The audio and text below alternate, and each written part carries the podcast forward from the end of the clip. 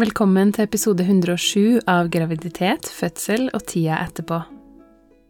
Mitt navn er Anette Hummel. Jeg er doula, mamma og skaper av denne podkasten.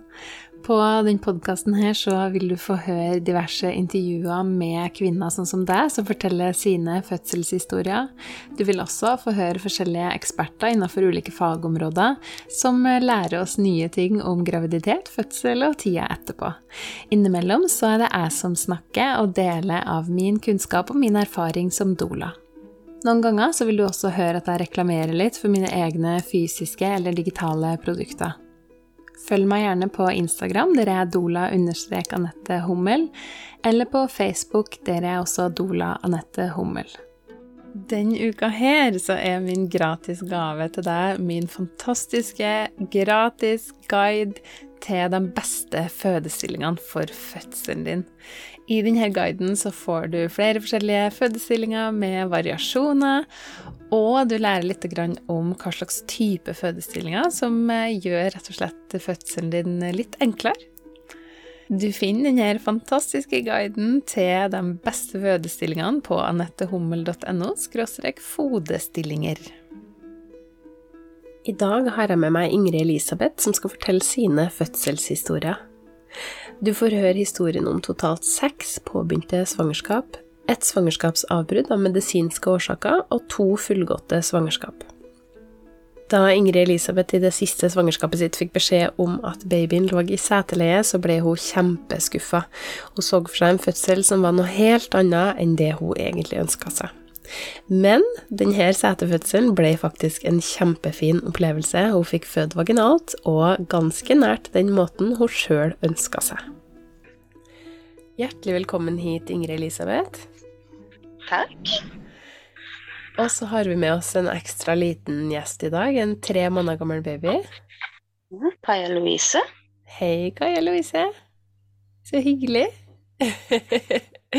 Kjempefin, som akkurat har sovet dupp på mamma og fått melk, og nå er jeg klar til å ta opp podkast. Ja. Satser på at hun samarbeider hele veien. vi får se, hvis ikke så forholder vi oss til det. Det er ikke noe problem. Det er en podkast der babyer er hjertelig velkommen. Det kan veldig godt hende at vi hører litt lyder fra min uh, ettåring òg, som driver og leker i etasjen under. Selvfølgelig med pappaen sin. og jeg driver ikke og leker alene i etasjen under. det er bra. Det hørtes litt rart ut når jeg sa det.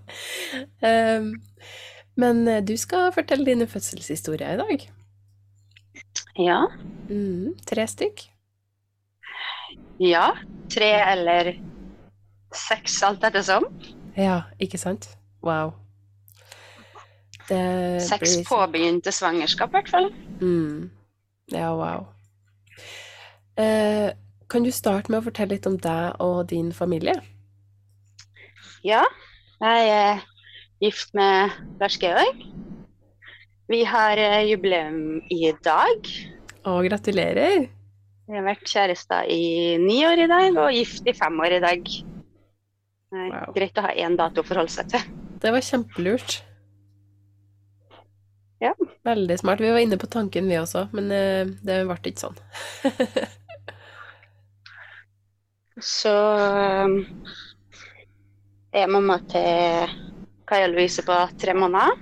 Mm. Og Herman Leander på to og et halvt. Og så er jeg òg mamma til Olea Elisabeth, som vi mista halvveis i svangerskapet. Mm. Som jeg skal fortelle litt mer om etterpå. Mm, ja, veldig gjerne.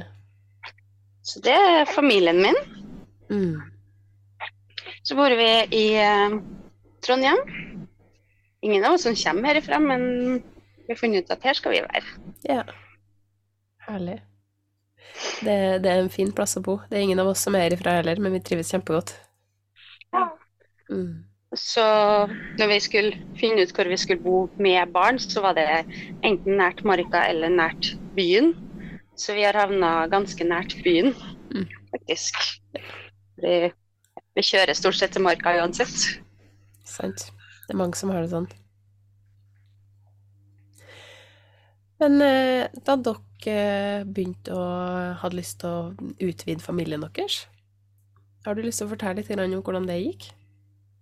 Ja, vi snakka vel om det sånn sommeren 2017. Mm. Det begynner jo å bli en stund siden. Mm. Fem og et halvt år siden. Ja. Og da slutta jeg på prevensjon. Og så lot vi det egentlig bare gå en gang.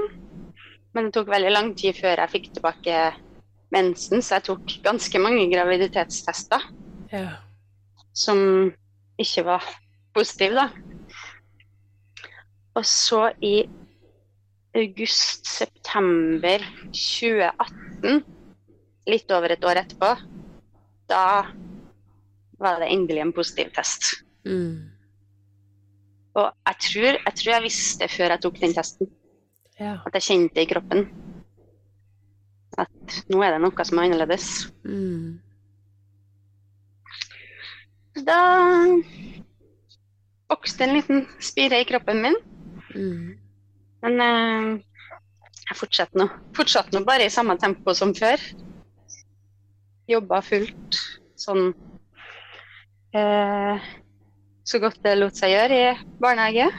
Ja, Du var ikke i noe dårlig form eller sånt? Eh, jeg var litt kvalm, så jeg tror jeg var sykemeldt i sånn fire-fem uker.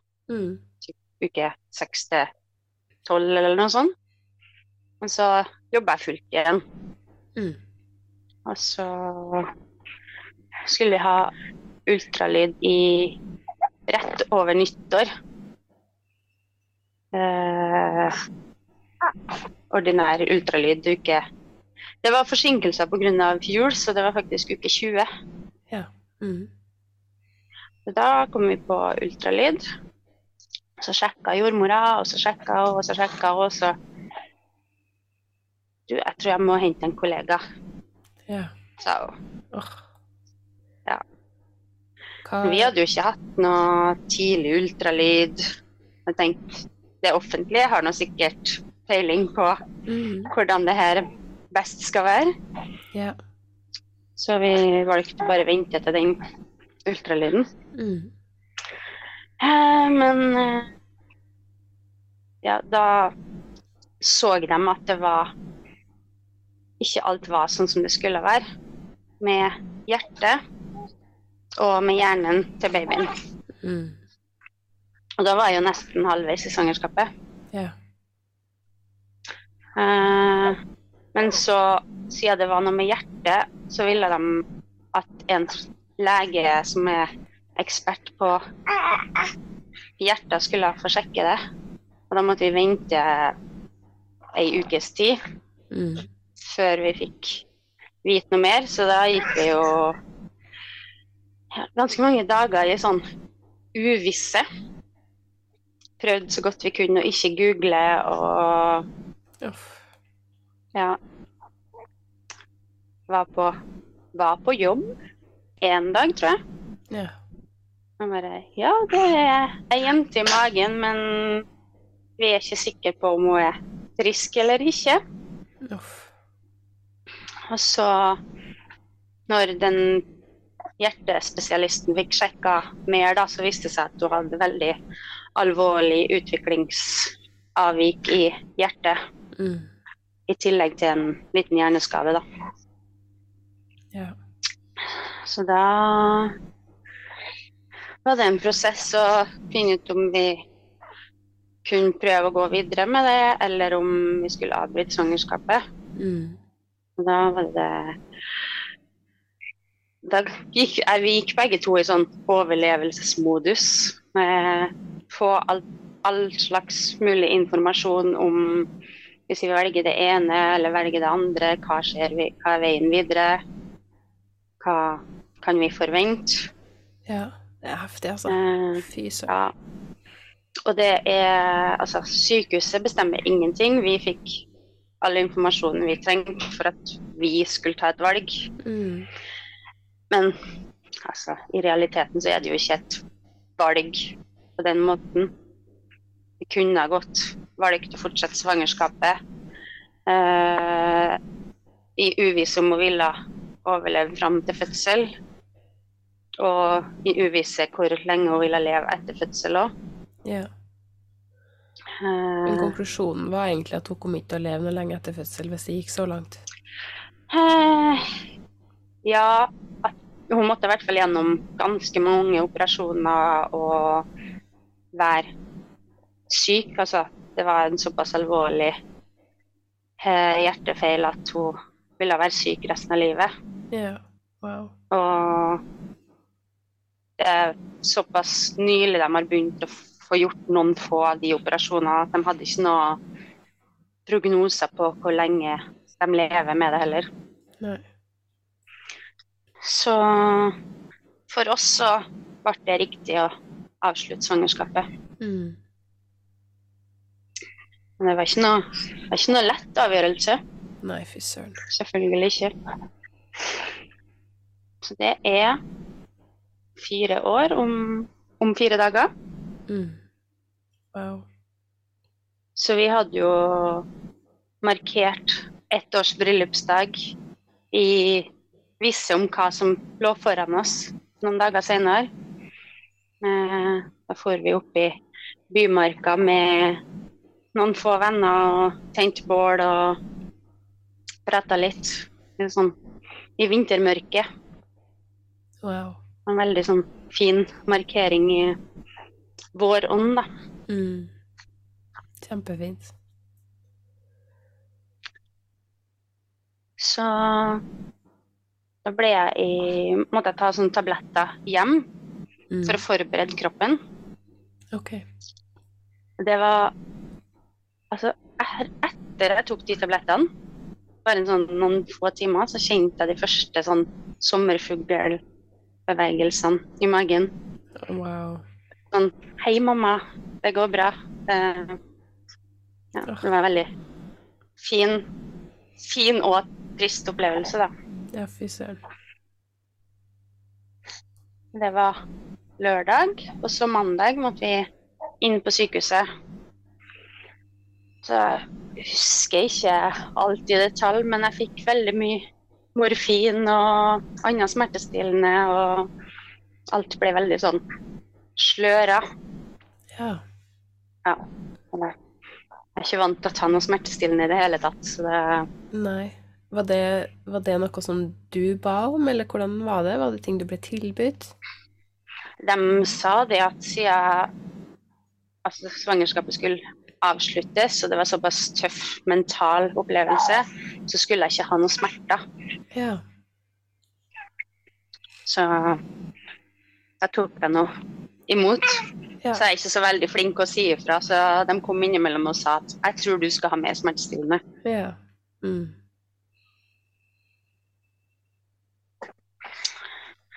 Eh, men så ble hun født midt på natta i tretida. Mm. Eh, Bitte lille, nydelige babyen vår. Ja, 330 gram.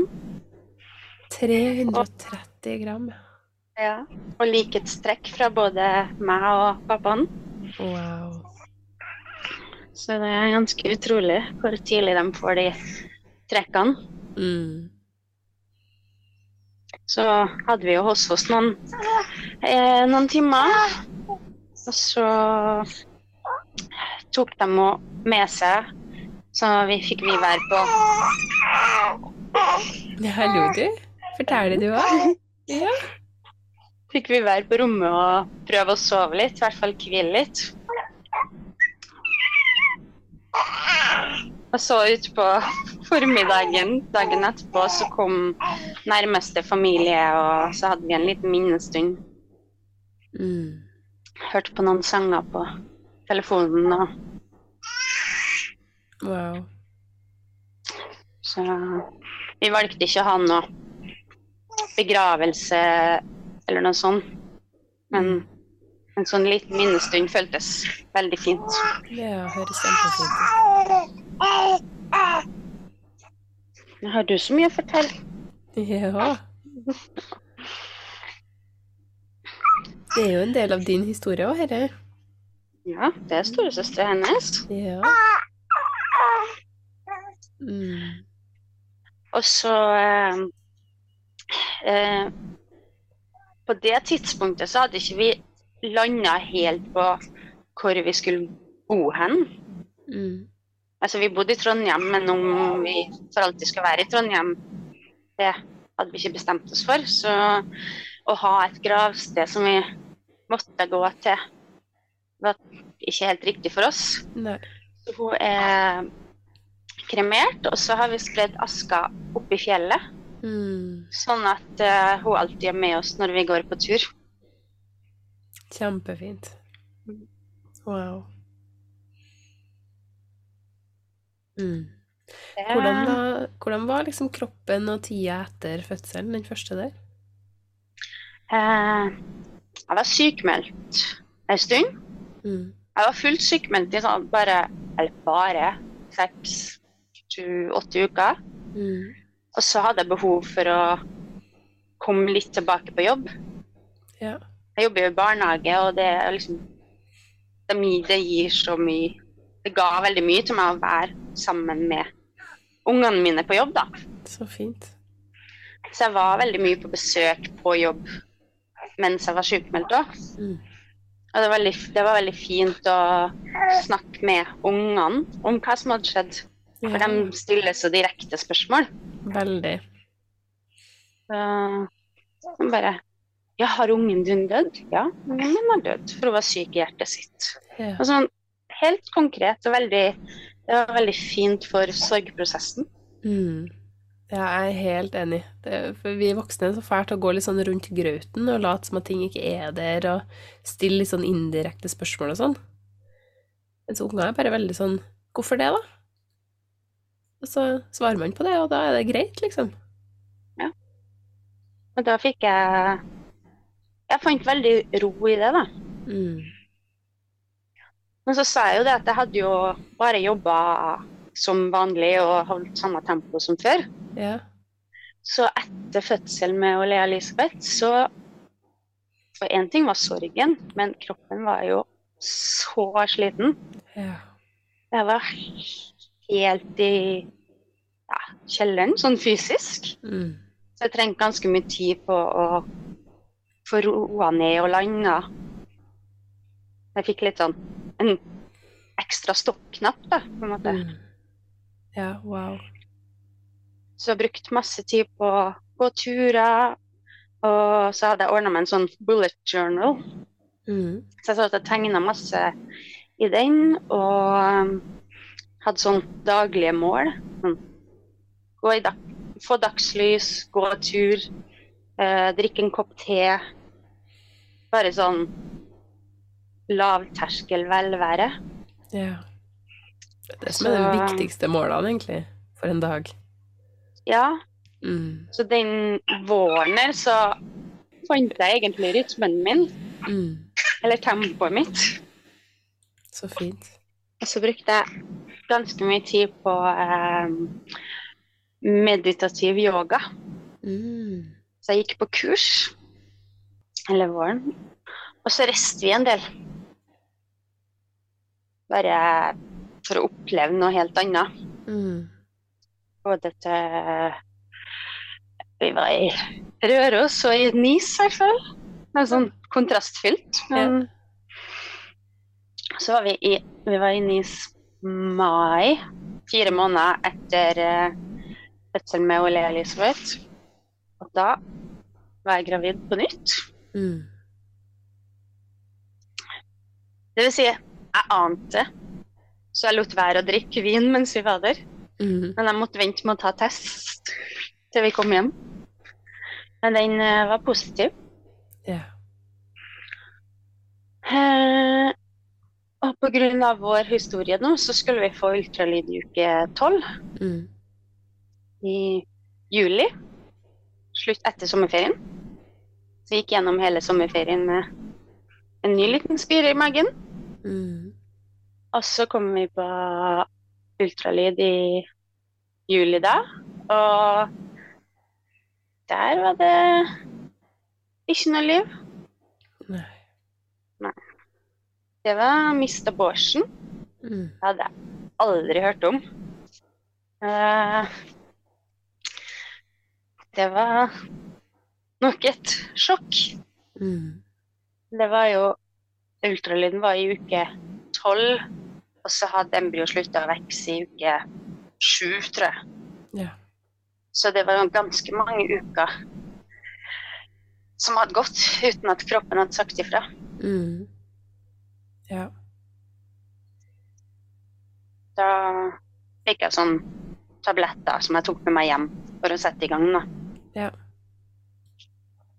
Det, det gikk ganske, ganske greit, det, altså. OK. Så Hvordan var det for deg, da? Med den opplevelsen etter den opplevelsen du hadde hatt før? eh, Det var liksom Det var to veldig forskjellige ting. Mm. Fordi Ole Elisabeth, hun var syk. Det var et Kall det et normalt svangerskap, men babyen var syk. Mm. Mens Mr. Borsen, det er sånn Kroppen min sier ikke fra til meg. Ja. Så Ja. Jeg merka det veldig når jeg ble gravid igjen neste gang. Ja. At, den, at det var vanskelig å slå seg til ro med at alt var i orden. Mm. Jeg var på Ja, vi, vi har jo ikke akkurat venta med å prøve på nytt. For det gikk én syklus, og så var jeg gravid igjen Wow. i september. Ja. Så juli Ja, mista Borsen i juli, og så gravid på nytt i september. Mm. Ja, det var kjapt. Og september, da, Et, nøyaktig ett år etter Ole Elisabeth, Ja. På akkurat samme akkurat samme beregna termin. Wow. Eller ei ukes mellomrom, men ja. Ja. Nært Det var, spes det var spesielt. Det skjønner jeg. Da fikk jeg ultralyd i uke seks-sju, tror jeg. Ja. Og det var For jeg hadde en sporblødning, Mm. og da fikk jeg komme inn i uke seks-sju. Og da var alt i orden. Ja. Og så fikk jeg komme igjen i uke ti, og da var alt i orden. Mm. Jeg kom i uke tolv, og da var alt i orden. Ja. Så det var jo Da var jeg jo gravid med Herman Leander. Mm. Men det visste du ikke da. Nei. Men da Men når vi bikka Nei. Nei, det var først når jeg begynte å kjenne bevegelse at jeg klarte å slå meg til ro. Ja. Mm. Det er veldig forståelig etter den opplevelsen du hadde før. Mm. Mm. Så Ja. Svangerskapsukene var lik. Mm. Så det var veldig, veldig spesielt. Eh, formen var sånn som med Ole Elisabeth. Jeg var kvalm første tolv ukene. Mm. Og så, men så jobber jeg litt redusert fremdeles framover. Eh, dels pga. psyken, for det var litt Det var veldig tøft. Mm. Og dels pga. bekkenet. For det er vanskelig å tilrettelegge i barnehage. Ja. Og jeg fikk ganske tidlig plager i bekkenet. Mm. Kjipt. Ja. Men alt i alt ganske sånn grei form. Og etter hvert som han begynte å lage mer bevegelse inni der, så ble det lettere òg. ja, nå har vi kommet til begynnelsen av 2020. Ja. Eh, så vi kjøpte oss hus. Mm. Eller vi, vi, vi, vi var på visning og kjøpte i januar. Skulle ha flyttet i april. Og så kom mars 2020. Og jeg ble superstressa Mm. på alle de tiltakene. For da skulle det jo være uten partner og med min historie og ikke få med partner, så skjønte jeg ikke hvordan det skulle gå. Um, ja. Så da satt jeg jo på hjemmekontor. Barnehagelærer med hjemmekontor. Ja. og så satt jeg mellom, mellom alle flyttekassene og veksla mellom å ha hjemmekontor og treningstimer. Mm -hmm. Og en stadig voksende mage. Så vi flytta, flytta to måneder før Herman Leander ble født. Wow. Anbefales ikke. Nei, men fy søren, så mange det er som gjør det. Ja.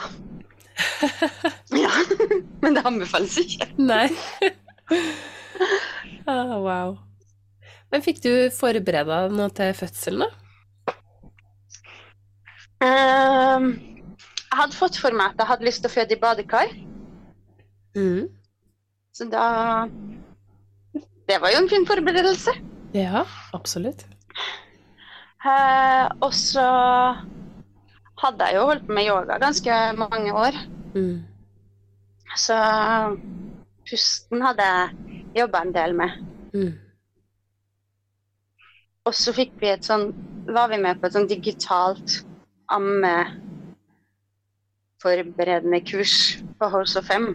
Ja, med Monica. Med Monica. Mm. Kjempefint. Det første digitale. Kjempeflott. Så det, det fikk vi veldig, veldig god nytte av, da. Så bra. Jeg har eh, tatt det kurset sjøl, jeg syns det er kjempebra. Ja, nei, det, vi eh, var med på det sammen. Så fikk, Lurt. fikk, vi, ja, fikk vi delt litt på kunnskapen. Mm. Kjempefint. Men det var Det var stort sett det jeg gjorde av forberedelse. Ja. Og så hadde jeg en bok som jeg leste Mm. av uh, Torbjørn Broksten. Ja.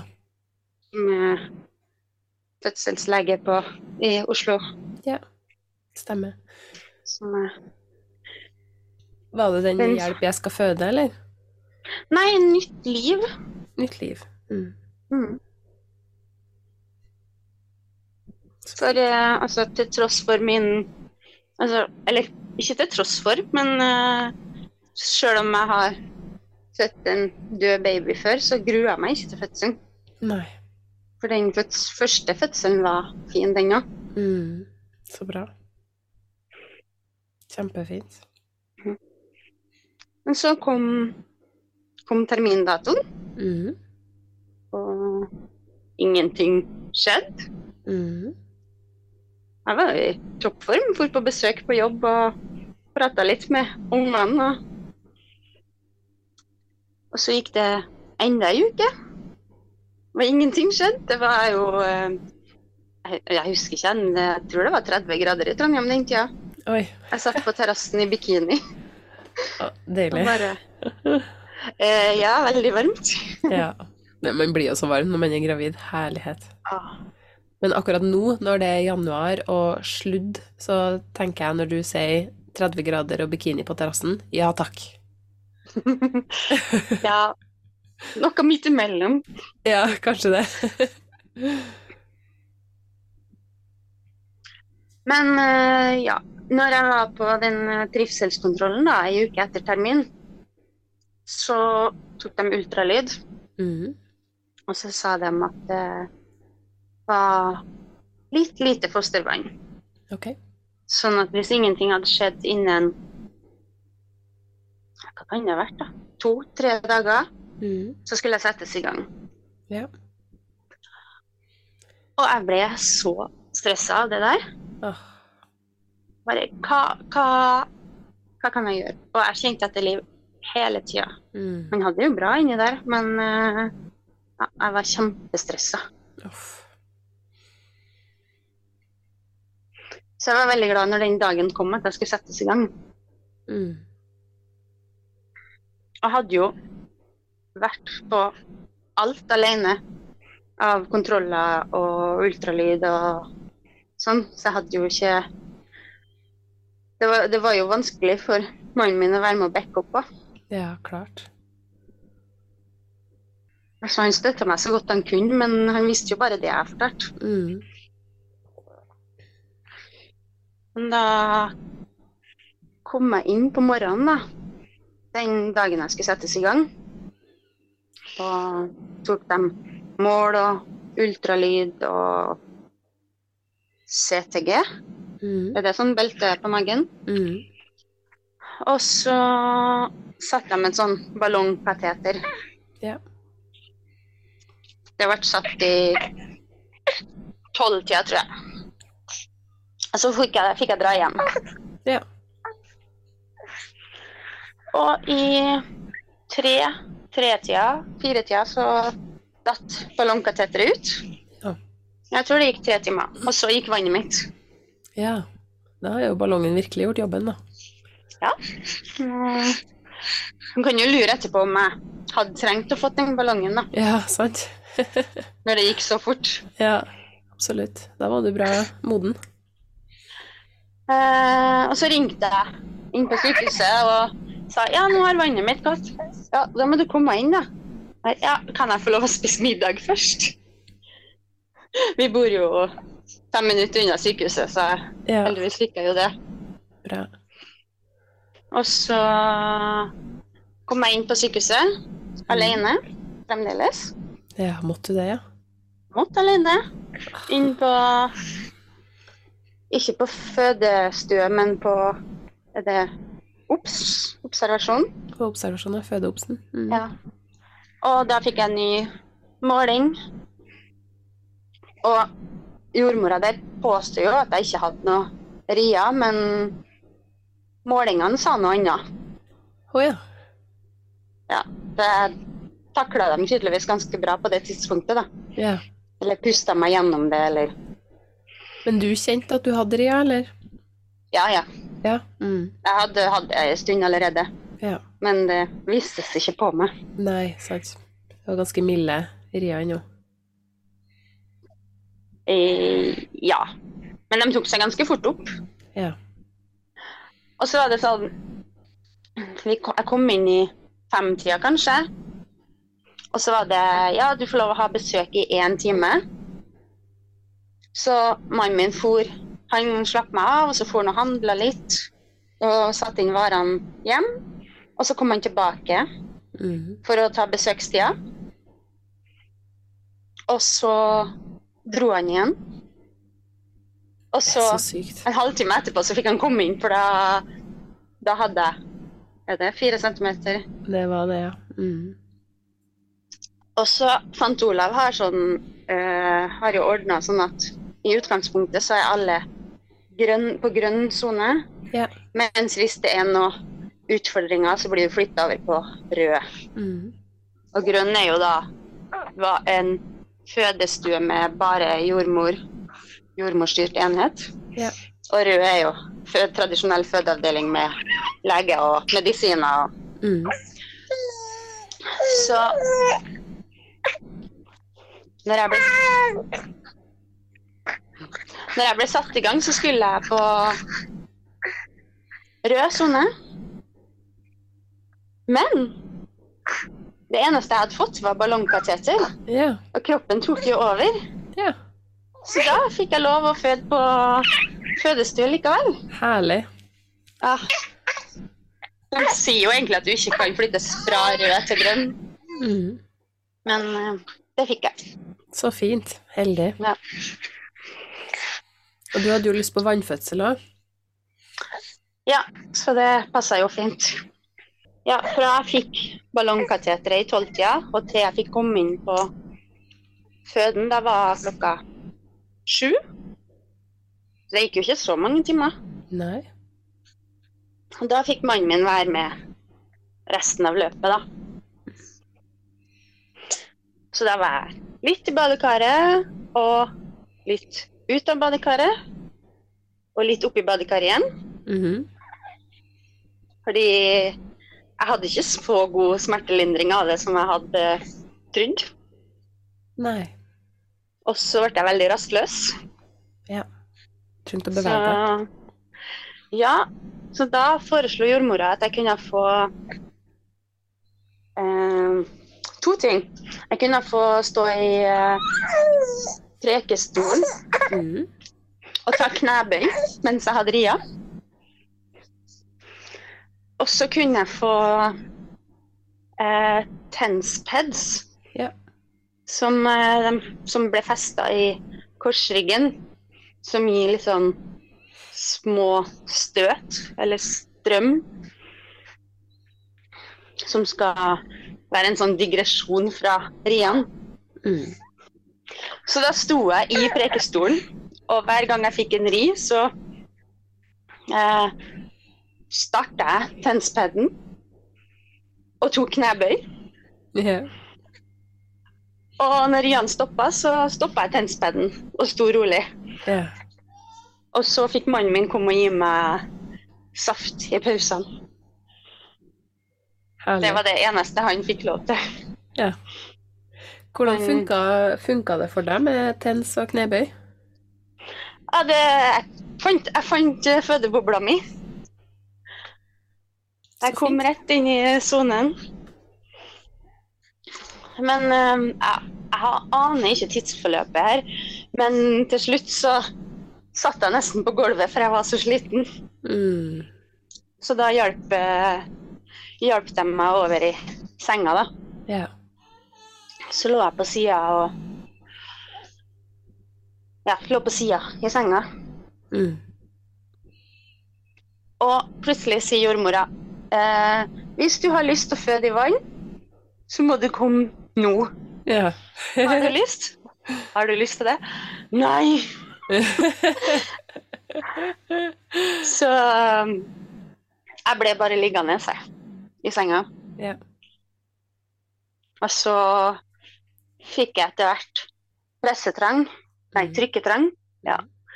Og da fikk jeg beskjed om å dra det ene kneet opp, opp mot brystet. Ja. Og du lå på sida eller på ryggen? Eller? Jeg lå på sida. Jeg lå på ja. sida. Mm. Uh, enn så ingenting. Jeg, lå, jeg, tror jeg lå med lukka øyne. Mm. Jeg var i hvert fall uh, meget fraværende. Ja.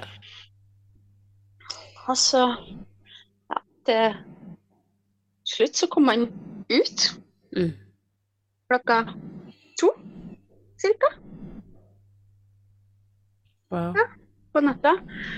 Uh, ifølge, ifølge det derre partogrammet ja. Er det det? Ja. ja. Så tok det ikke så veldig lang tid med aktiv fødsel. Nei. Nei, det gjorde ikke det, da. Nei. Så jeg tipper det var kanskje bare time, halvannen med aktiv fødsel. Wow. Og så kom han ut. Ja. Hvordan var det? Jeg hadde jo Det var um, Vet ikke Surrealistisk. Mm. Jeg satt bare og kikka på han. Ja. ja. Uh, og strøyk på han og kyssa på han. Mm. Og så hadde jeg, jeg hadde skrevet fødebrev, da. Og så hadde jeg skrevet at jeg ønska liksom, den gylne timen. Mm. Eller at han skulle få prøve å komme til brystet sjøl. Ja. Uh, og mens mens jeg lå der da med Herman Leander oppå meg, så han fikk lov å prøve å ta brystet, så skulle morkaka ut. Ja. Og det var eh, det, var, det var to jordmødre og en jordmorstudent der. Og så plutselig fikk jeg en sprøyte i låret. Ja. Det gjorde du nok. Ja. Eh, jeg, husker, jeg, husker ikke helt om jeg fikk beskjed på forhånd, men jeg spurte etterpå hvert fall hvorfor jeg fikk den. Ja. Det var for å få ut morkaka. Mm, det er den syntosinonsprøyta? Ja. Vet, det var um, jordmorstudenten som satt den, da. Jeg vet ikke hvor erfaren hun var med sprøyta. Mm. Jeg fikk veldig blåmerke som var i noen måneder etterpå. Oi. Wow. Så ja. Det syns jeg ikke var helt greit, da. Nei, det skjønner jeg kjempegodt. Og det er jo også veldig rart at du, at du opplever at du plutselig fikk ei sprøyte i låret. Eh, for du skal jo informeres, og du skal jo gi samtykke. Ja. Uh, men bortsett Ja. Uh, men uh, jeg måtte sys litt, da. Så ikke jeg ble sydd litt mens, mens, jeg lå og prøvde å få til amminga. Mm. Og så fikk vi mat etter hvert, og til slutt så sa de nå skal, vi, nå skal dere få lov å dra over på barselhotellet. Så får dere prøve å få til amminga der. Ja. Så det var litt sånn Jeg opplevde det som at vi måtte flytte oss, for det hadde gått ja. så lang tid. Ja. ja. Mm, og du var ikke helt klar egentlig ennå? Nei. Nei, det var ikke det. Nei. Vi var liksom inni bobla vår. Mm så måtte vi flytte oss over til hotellet. Ja. Mm. Mm. Eh, så prøvde jeg å sove litt og prøvde å amme litt innimellom. Mm. Eh, men eh, det var ikke så lett å få til amminga. Jeg hadde melk. Jeg fikk melk eh, etter eh, jeg fødte Lea Elisabeth. Så melka kom jo tidlig i svangerskapet med Herman Leander òg. Ja. Så det var ikke noe problem der. Mm. Men uh, Herman Leander fikk ikke tak. Nei. Og så stressa de ganske mye Eller sånn i ettertid så føler jeg at de stressa ganske mye på sykehuset med at jeg skulle få det til. Mm. Sånn at jeg måtte håndmelke litt. Og så prøvde vi å gi fra kopp. Ja. Uh, og gi med sprøyte. Mm. Og til slutt så pumpa jeg og ga fra flaske. Og den tok han. Ja. Og så fikk jeg skjold. Mm. Brystskjold. Og okay. da fikk vi det til. Mm. Uh, ja, så han hadde jo både flaske og skjold allerede på sykehuset. Yeah. Og vi reiste jo hjem etter to og et halvt døgn. Mm, wow. Så det var.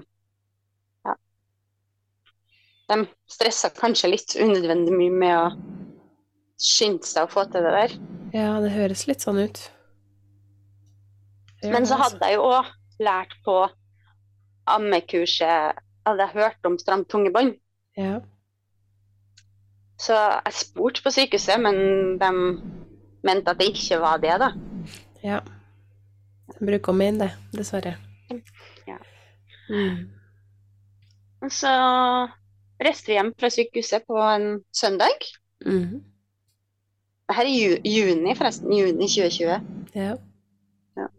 Jeg reiste hjem fra sykehuset på en søndag, og To dager etter fødsel, der kom barseltårene.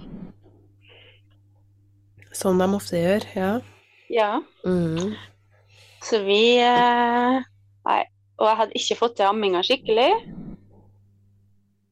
Og hadde en baby som skrek og skrek og skrek. Og eh, heldigvis bor vi i Trondheim, da. Og der er det søndagsåpne apotek. Ja. Så vi kjørte ens ærend til søndagsåpent apotek for at jeg skulle få kjøpt meg pumpe. Ja. Sånn at jeg kunne pumpe for å være sikker på at Herman Leander fikk i seg melk. Mm. Sjøl om jeg visste at jeg hadde melk. Men uh, ja. Jeg måtte se bevis på at det var melk i flaska, og det ble mindre melk i flaska. Mm. Ja. Mm. Så det Ja, det det stressa meg ganske mye. Det skjønner jeg godt. Det skjønner jeg kjempegodt. Det er, jo, det er, jo, det man vil når man har en ny baby, i hvert fall at babyen får i seg mat. Ja. Mm. Ja, absolutt. Fy søren. Fikk du noe mer hjelp etter hvert, eller? Eh, Ja, det her er jo sommeren, da. Mm. Så ferieavvikling. Og koronarestriksjoner. Mm. Så jeg måtte dra alene på helsestasjonen Ja. for å få ammeveiledning. Og med ferieavvikling så var det jo forskjellige helsesykepleier hver gang. Gud meg. Så ja, vi fikk eh, ammeveiledning i forstand at nei, det her ser bra ut. Ja. Det er ikke ammeveiledning. Fortsett å prøve. Ja. Nei. Så vi brukte brukt noe skjold og jeg pumpa noe, så han fikk flaske et par ganger om dagen. Og... Mm. Men jeg hadde nok melk da, til at han bare fikk morsmelk. Ja. Og så var vi på til vår egen helsesykepleier når han var to og en halv måned, tror jeg. Mm. Og da kava han så mye med brystet Mm. at hun sa nei, her må, her må dere få komme videre til noen som har, eh, har det her som spesialfelt. Ja. Så da fikk vi komme til hun som er spesialist på det i kommunen. da. Mhm. Og hun hørte egentlig bare på, på min historie, eller vår historie. Og så sendte hun henvisning til sykehuset Ja.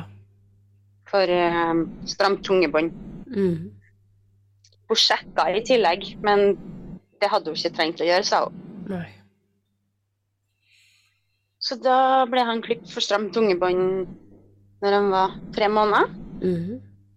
Så etter et par ukers tilvenning så gikk jo egentlig det av seg sjøl. Så bra. Slutta med skjold og Wow.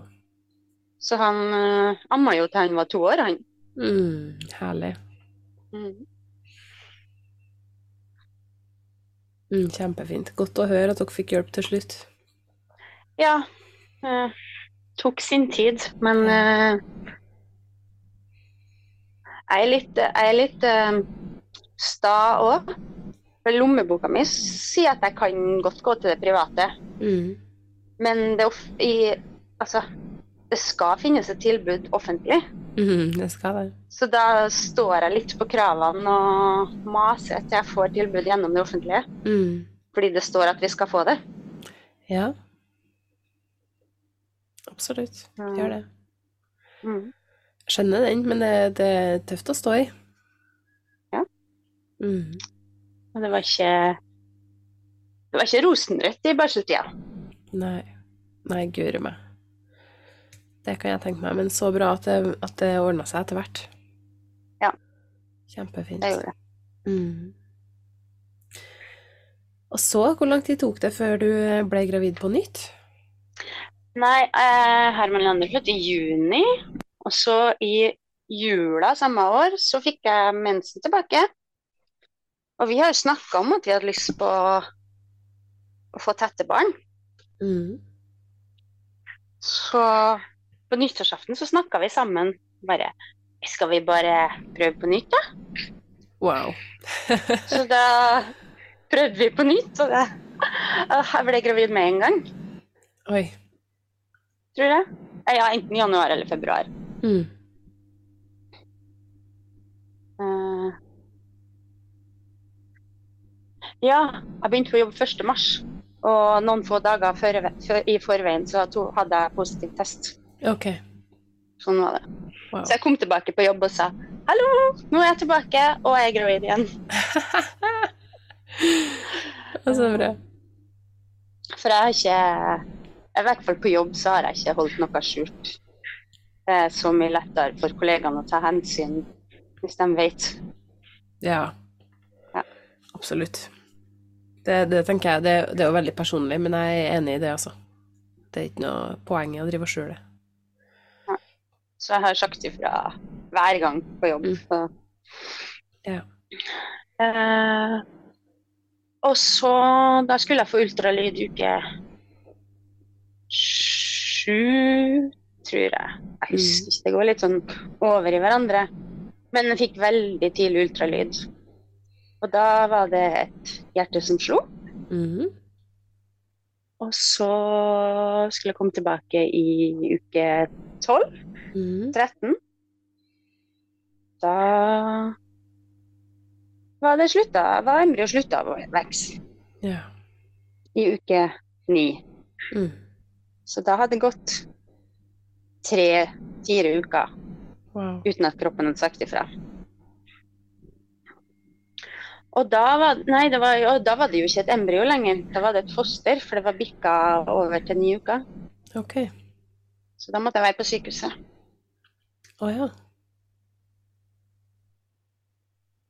Og da, da skulle de Ja. Da skulle de ta noen undersøkelser, tror jeg. Ok. Jeg måtte levere inn det som kom ut, i hvert fall. Wow. De, de sa ikke hvorfor, og jeg spurte ikke heller. Nei. Så da satt han og var nå på sykehuset og pumpa noe og fikk besøk av Herman Leander og Lars Georg. Mm. Eh, så det, det, var, det var liksom første, første natta bort fra han. da. Ja. Det var en ni måneder, tror jeg.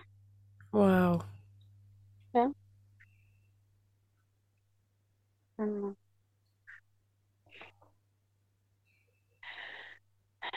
Ja. Det var den børsen. Mm.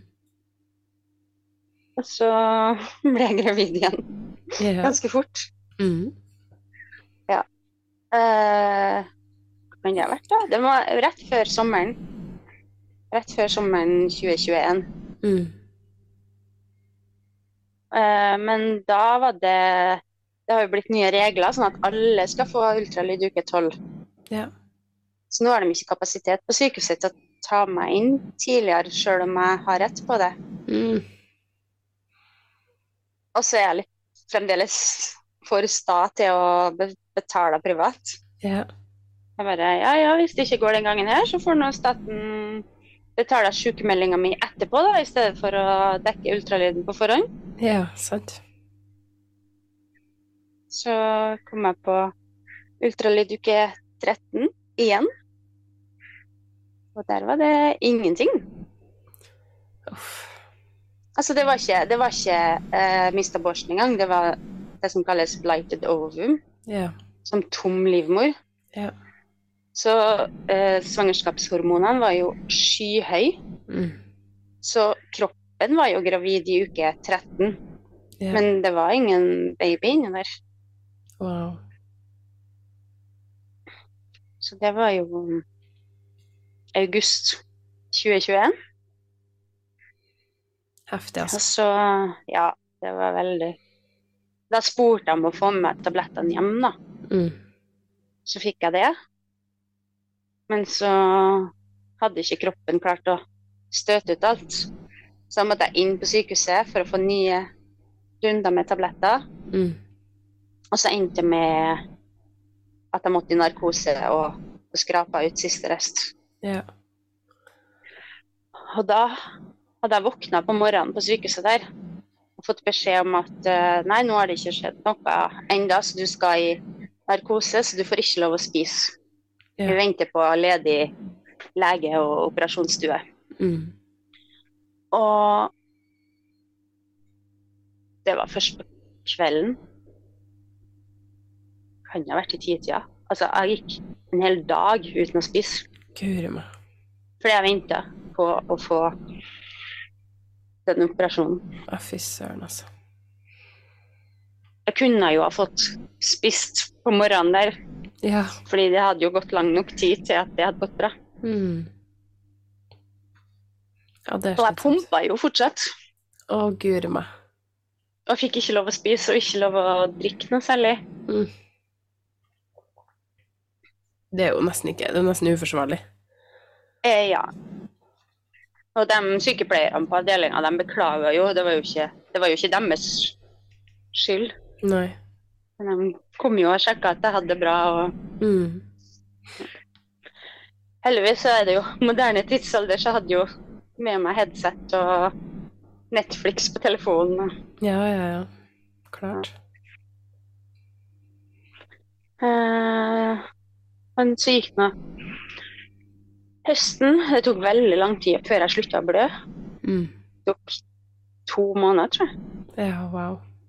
Mm. Så slutta jeg endelig å ja. blø, og kroppen kjentes liksom normal igjen. Mm. Og så januar 2022 Da ble jeg gravid igjen. Mm. Da sa jeg til Lars Georg at nå Hvis det ikke går nå, så må jeg ha en pause. Ja. ja for det, det, er ganske hardt for kroppen, altså. Ja, fy søren, og for syke nå. Ja. Kjempeheftig. Så da ble jeg fullt sjukmeldt fra begynnelsen, egentlig, eh, fram til uke tolv. Ja, da var jeg på ultralyd igjen, uke 12-13. Mm. Jeg fikk fremdeles ikke noe tidligere. Men da var det Det er helt sprøtt, altså. Ja. Men da var det en uh, sprell levende baby inni der. Mm. Wow. Uh, men uh, ja, Uh, hun var inni der. Men jeg hadde et ganske sånn distansert forhold til henne. Ja. Fram til Fram til jeg kjente jo bevegelsene innenfra. Ja. Og da, da, klarte jeg å gå tilbake på jobb igjen litt. Mm.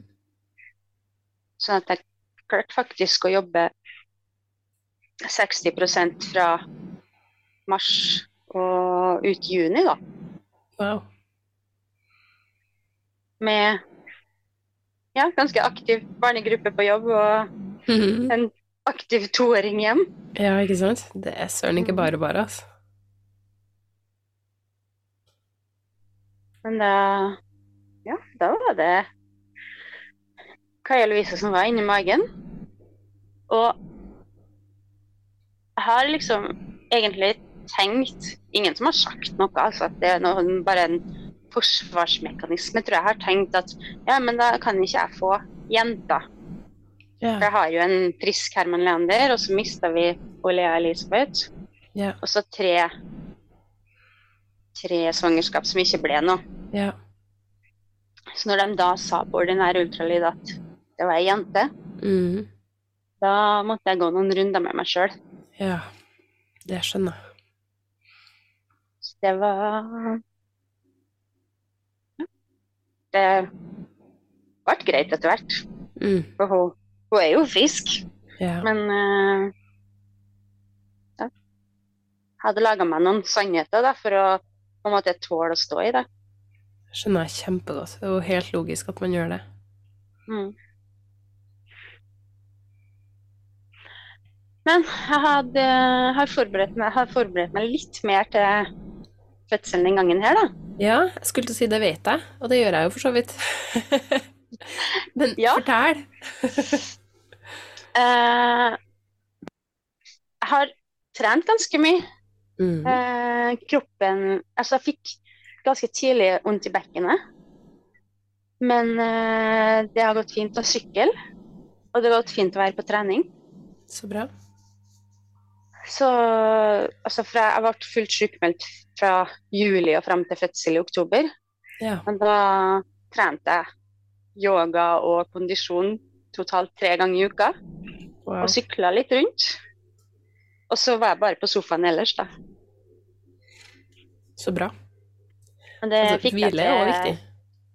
Ja. Nei, jeg mhm. fikk til masse hvile. Lite søvn etter hvert på de treningsøktene der fram til ei uke før termin. da. Wow. Fy søren. Men da satt jeg på, var jeg på yoga ei uke før termin, og så kjente jeg jeg tror det her er siste, jeg tror det her er siste yogaøkta før fødsel. Ja.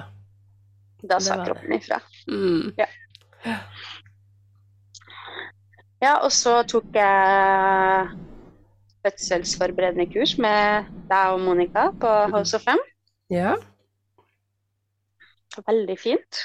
Så bra. Uh, selv om jeg har vært gjennom fødsels før, så det var liksom en måte for oss som par å komme i litt modus. Ja. Med en toåring hjem, så går hverdagen litt sin gang. Ja, fy søren. Det, det kurset er jo lagt opp veldig sånn at det er jo, det er jo for par. Og at mm. paret mm. gjør det sammen. Og så på svangerskapskontroll hos jordmor i uke 30, så sa hun Jeg tror babyen ligger i seterleiet. Mm. Og da Jeg har jo fortalt deg om det før, men eh, da ble jeg enormt skuffa. Ja. For da skjønte jeg jo hvilken avdeling jeg måtte føde på på sykehuset. Ja, selv om uke 30 er ganske tidlig, da. Det kan fortsatt skje mye mellom 30 og 40. Ja. Men skuffelsen var der fortsatt. Ja. Eh, men så Rett etterpå så var vi jo på eh, fødselsforberedende kurs, og tipsa du meg om Spinning Babies. Mm. Så da tok jeg jo kontakt med Heide, som holdt på med det her i Trøndelag. Mm. Så kom hun hjem til oss og viste oss noen øvelser som, eh, som vi kunne prøve, da. Som skal liksom skape plass, skape rom for babyen. Ja. Og gikk på med godt mot og gjorde øvelsene hver dag. Og uh, de var veldig gode, da. De gjorde godt til kroppen min. Ja, det er veldig behagelige øvelser. Helt enig. Jeg liker dem òg. Mm. Men uh, etter hvert så landa jeg litt og aksepterte at det blir setefødsel. Og da ble ikke de øvelsene så fryktelig viktige heller. Nei. Og da fikk jeg en sånn ro i meg. Og så en liten sånn Det gikk en liten faen i meg òg, bare Det her skal jeg klare. jeg tenkte at eh, Eller ja, jeg fikk, fikk en sånn åh, det må bli en kul opplevelse. Mm. Det er så kult, syns jeg. Ja, jeg fikk innhenta det jeg kunne få av informasjon, og forberedt meg godt. Skrev eh, et godt fødebrev. Og jeg undersøkte må jeg ha epidural, kan jeg få føde vaginalt, hvor mange skal være inn på rommet når jeg skal føde. Ja. Hva kan jeg forvente? Det er kjempelurt, tenker jeg det. Jeg husker at vi snakka litt om det òg, eh, for du, eh, du har jo vært med på det Fødebobla, det kurset mitt, online-kurset mitt. Ja. Um, og på veiledninga der så snakka vi litt om det et par ganger. Um, jeg, husker, jeg husker at jeg spurte deg på den ene veiledninga, så spurte jeg deg Men du, det virker som at du egentlig syns det er greit med setefødsel, stemmer det? Ja. og du bare Ja, egentlig. Og så sa jeg ja, men da er det jo ikke noe vits å drive med de øvelsene. Nei. Da er det bare å akseptere at hun ligger i setet, da. Ja. Nei, hun satt godt der, hun altså. Mm. Men jeg var i ja, såpass god form, og hun er i si, riktig størrelse for at de eh, legene mente at det skulle gå fint. Og så har jeg jo gått til fysio gjennom hele svangerskapet og fått massasje på stive muskler. Og tenkte jeg siste massasjen nå skal være sånn eh, doula-massasje. Så da kom jeg jo til deg på massasje på termindagen. Ja. Og da hadde jeg jo hatt eh, litt modningsaktivitet i faktisk noen uker allerede. Mm. Og så hadde det tatt seg opp de siste dagene. Men uh, jeg tror jeg gikk fra massasjen i ett-tida, og så gikk jeg og henta i barnehagen i tre-tida. Det var en tredag, og da sa jeg til de ansatte i barnehagen til Herman Leander at Jeg tror det blir fødsel i helga. mm. Skal ikke si, jeg skal ikke påstå at massasjen var det som satte i gang, men det var i hvert fall ikke noe negativt ved det. Nei, det vil jeg tro. det er jo veldig sånn eh, avspenning og bra for oksytocinet, og eh, særlig den biten der. Mm. Mm. Jeg gikk veldig avslappa ut derifra, i hvert fall. Ja, så bra. Eh, så våkna Jeg sovna nå som normalt på kvelden, og så våkner jeg rett etter midnatt. Det her, det her er Ria. Ja. Men så begynte jeg satt på sånn rietelefon, så kunne jeg bare sove mellom i stedet for å drive og bry hodet mitt med det. Mm. Men så etter en to-tre timer så ringte jeg på sykehuset. For jeg var ikke helt sikker på hvordan prosedyren var når det var seteleie. Nei. Men jeg mente sjøl at jeg ikke skulle inn ennå, da. Ja. Så de var enige med meg. Nei, bare legg deg og sov igjen. Ja, så fint. Ja. Fikk du sove, da? Eh, ja, mellom, mellom riene så fikk jeg sove. Så bra. Ja. Og så i sekstida så vekte Lars Georg og så sa jeg tror, nå tror jeg du kan få tak i barne, barnevakt. Ja. Så da spiste han frokost, og så for han og henta bror sin som skulle være barnevakt. Og så for eh, ja, Herman Leander fikk være med onkelen sin og klatre mens vi var hjemme alene. Mm. Det var litt godt å ha huset litt for seg sjøl. Uh, og så kom de nå tilbake igjen, for de skulle jo være her. Men da var jeg litt sånn i min boble på rommet, og så begynte å ta seg opp litt utover ettermiddagen. Og da sa jeg skal nå må du komme og gi meg sånn dobbel hoftepress. For jeg kjente, jeg kjente liksom at nå, nå, nå, kommer det snart en ri. Yeah. Så rakk han å springe opp trappa og gi meg en sånn dobbel hoftepress, klemme yeah. på begge sidene av hoften, og så gikk han ned igjen. Mm -hmm. Så holdt vi på et par timer. Herlig. Og så fikk jeg middag opp på soverommet etter hvert. Mm. Jeg, vil, jeg prøvde meg en tur ned i stua, men det, det ble helt feil å være eh, så attmed svogeren min. Vi har et godt forhold, men det ble liksom han var ikke en del av min fødeboble. Nei. Så da gikk jeg opp på rommet igjen. Mm. Så kom, eh, kom toåringen opp og ville være sammen med meg. Åh. Det var veldig fint. Så fikk vi en liten lekestund og wow. så litt på barne-TV på rommet. Så når han skulle legge seg, da, så kjørte vi til sykehuset. Mm. I ja, halv sju-tida ja. på kvelden skal jeg komme inn, og de hadde jo gjort klart rom til oss. Og siden det var seterfødsel, som måtte vi ha et kjempestort rom med plass til barnelege og sånn undersøkelse og ja. Men det var badekar der, da. Ja. ja. Det er jo badekar etter hvert på så å si alle føderommene, tror jeg, på St. Olavs. Ja, ganske.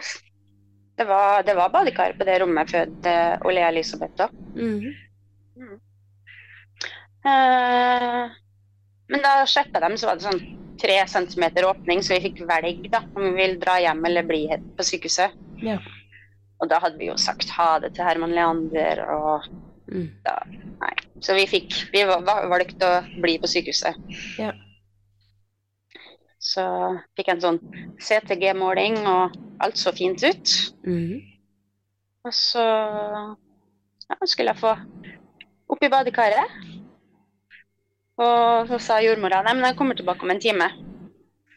Så da hadde jeg en time på meg i badekaret, da. Ja. Det Jeg gikk lei før det hadde gått en time. men uh, da hadde jeg i hvert fall kommet meg inn i, inn i fødebobla mi. Ja. Ja. Fint. Så når jordmora kom tilbake, så tok hun ny CTG-måling. Eh, så fikk jeg sitte litt sitte litt på ball.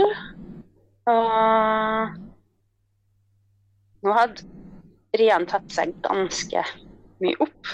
Mm. Sånn at det ble liksom vanskelig å gjøre noe under Rian. Eh, så jeg fant en sånn tjukk pute som jeg kunne sette knærne mine på. Og så lå jeg med hodet på fotendene av senga. For jeg er sånn, jeg må lukke meg litt. Ja. Jeg må skjerme meg for omverdenen under riene. Mm. Uh, så lå jeg med utstrakte armer på senga mens uh, jordmora tok blodprøver og satte inn sånn uh, venef veneflon mm. midt, i, midt i en ri. Å, guri meg. Og det var helt greit. Hæ? Ja, det var helt greit. Å, guri meg. Det tok jo fokus bort fra Rian. Å, jeg hadde kommet til å slått hvis noen hadde prøvd å gjøre det på meg under en ri, altså. ja, nei, det var, det, var, det var, helt greit. Fantastisk. Jeg elsker det.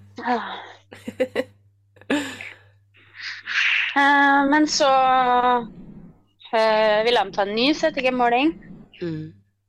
Og da kom ikke Droppa ikke pulsen hennes like godt som den hadde gjort fra før av. Mm. Sånn at de ønska kontinuerlig overvåking. Okay. Og det var nå greit. Jeg fikk nå fremdeles rørt meg sånn som jeg ville. Og så kom det Det var sånn elektrode, da? Nei, det var sånn belte på magen. Å oh, ja. Så det CTG, ja, jeg hadde CTG-en bare fremdeles. Ja, ok. Mm. Eh, og så kom det noen barneleger inn etter hvert og snakka med meg. Mm. Og informerte meg om eh, epidural. Mm. Eh, og så sa jeg jeg hadde jo jeg vet ikke, jeg hadde jo kjempemange rier underveis der, sånn at de stoppa jo å prate mellom hver ri. Yeah. Så jeg satt på ball, og så satt Lars Georg bak meg og ga meg sånn dobbel hoftepress mens jeg satt på ballen. Yeah. Mens de ja, kikka på. og så ble temaet epidural tatt opp, mm. og så spurte jeg er jeg nødt til å ta stilling til det nå. Ja. Nei, det trenger du ikke. OK, nei, men da venter vi, sa jeg. Mm -hmm. Og så Ja, de sa ikke noe mer, da. Og så sa de de skulle komme tilbake etter hvert, da. Ja. Uh, men nå begynte riene å bli ganske heftig. Jeg tipper klokka er sånn ni-ti. Mm. Før vaktskiftet, vet jeg.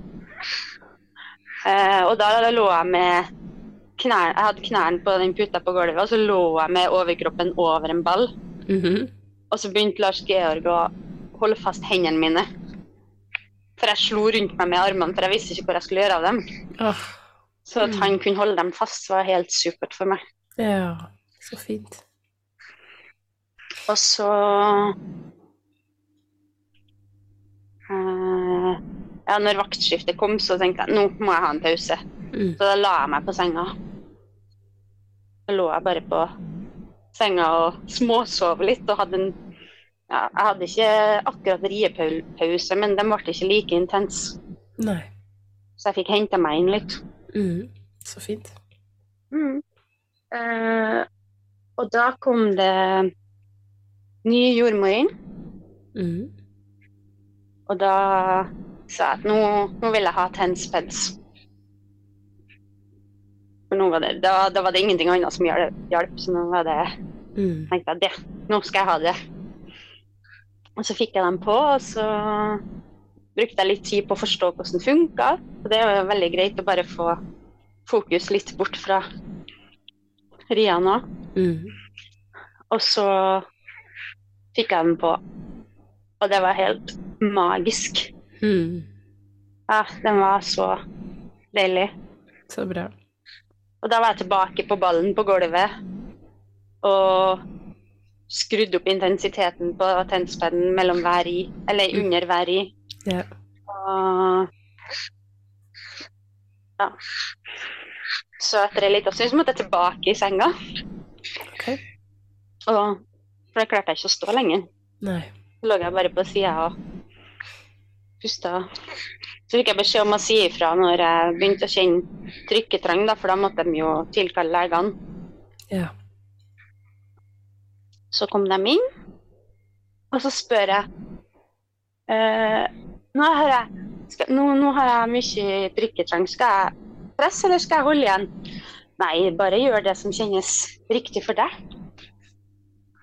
Så fint. Så da, ja, så da fikk jeg lov å trykke. Mm. Jeg hadde jo fortsatt på med CTG-målinga, Mm. men det gikk fint, det. Så bra. Å, jeg har glemt å si, jeg fikk jo De sleit litt med CTG-målinga på et tidspunkt som de ville ha på sånn elektrode. Ja. Uh, så hadde det vært litt sånn Jeg har tenkt litt på det på forhånd og reflektert litt rundt det. Mm.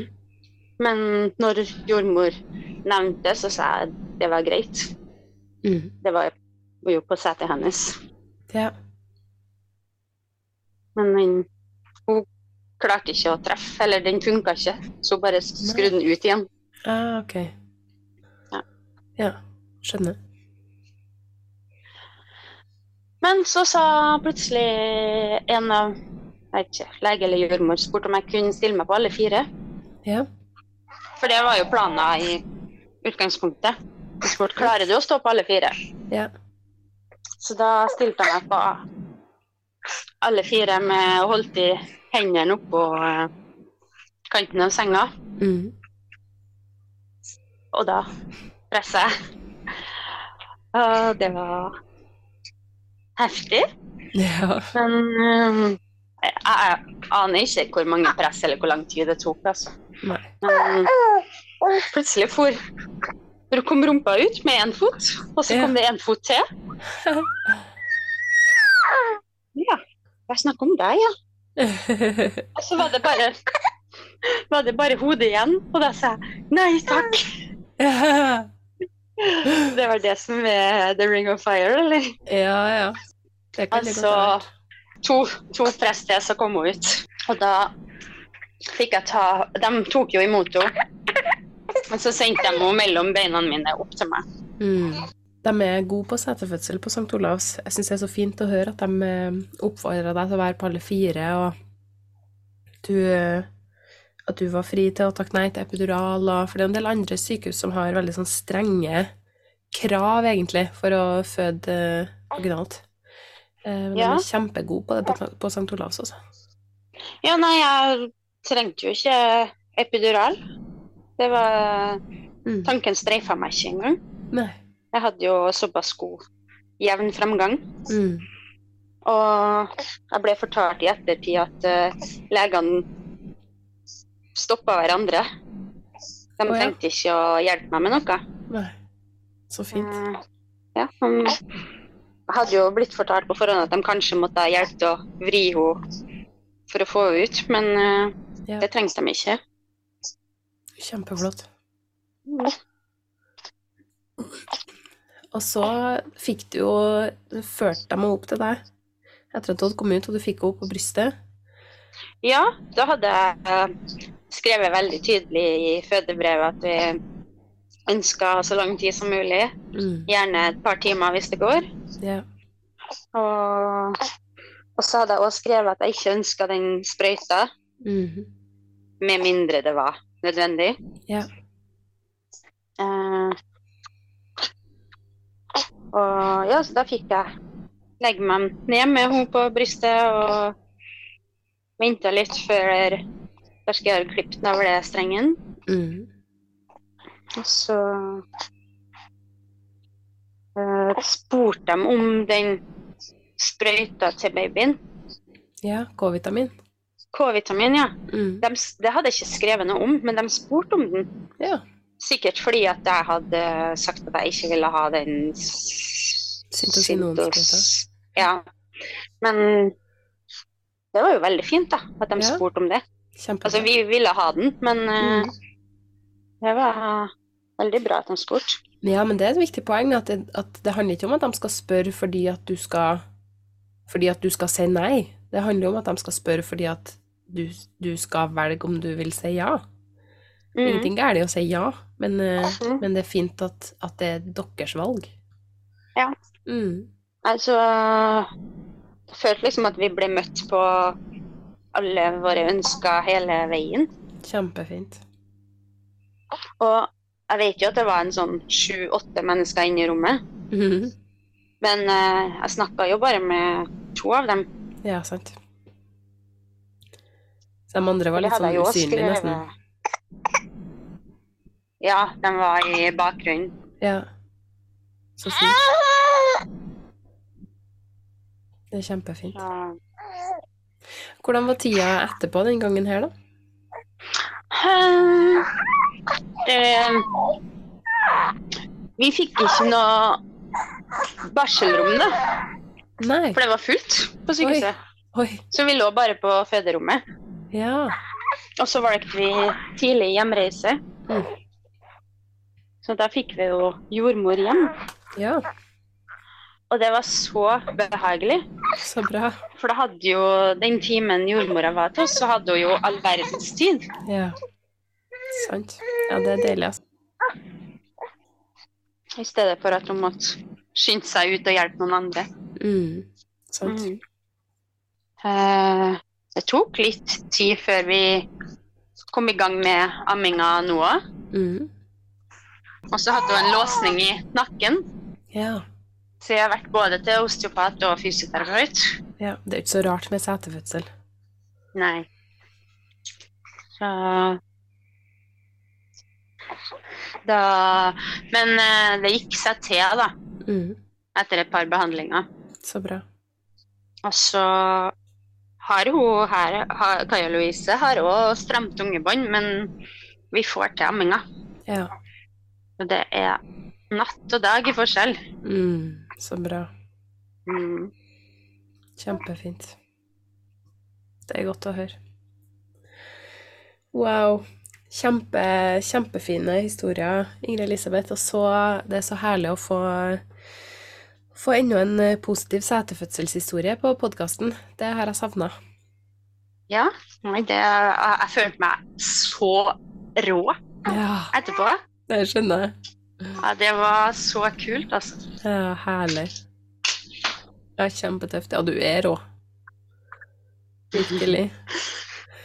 Eh, du har jo nevnt en del allerede, men har du noen flere ressurser som du har lyst til å anbefale enn dem du allerede har nevnt? Uh, nei, det Altså, jeg er jo nærmeste nabo til House of Fem, så det er jo naturlig at de blir min uh, min plass å gå til. Ja. Både for trening og behandling og alt. Ja, uten tvil. Og de er jo, de er jo bra. Ja. Mm. Absolutt. Um, hvor kan folk finne ut mer om deg? Har du lyst til å dele noe kontaktinfo eller noe sånt? Uh, jeg er nå bare på Facebook, egentlig. Ja. Uh, søk på Ingrid Elisabeth, så eller Ingrid Lisbeth Tangen. Ja. Jeg har bare fornavnet mitt, men jeg tror det går an å søke på etternavnet. Ok. Det er helt fint. Kjempefint. Tusen hjertelig takk for at du kom, Ingrid Elisabeth, og delte historiene dine. Kjempeverdifullt. Ja. Det var artig å få lov å fortelle. Mm, så fint. Tusen takk for at du hører på graviditet, fødsel og tida etterpå. Hvis du likte denne episoden, så blir jeg kjempeglad hvis du deler i sosiale medier eller med venner eller bekjente. Veldig gjerne tagg meg hvis du deler på sosiale medier, sånn at jeg kan si tusen takk og si hei til deg. Og du er hjertelig velkommen til å gå inn på anettehummel.com gratis og laste ned alle de tingene som jeg deler gratis der. Og det kommer stadig vekk nye ting der, så du må gjerne gå inn og sjekke om det har kommet noe nytt siden sist du sjekka. Tusen takk for at du er her, og jeg ønsker deg et nydelig svangerskap og en fødsel på dine egne premisser. I tilfelle det var noen tvil, så vil jeg også nevne at jeg ikke er verken lege eller jordmor. Temaene som tas opp på denne podkasten, er kun ment som generell informasjon, ikke som råd eller oppfordring til handling. Hvis du har spørsmål eller bekymringer når det gjelder din egen eller ungene dine sin helse, så vil jeg på det sterkeste anbefale at du snakker med legen eller jordmora di.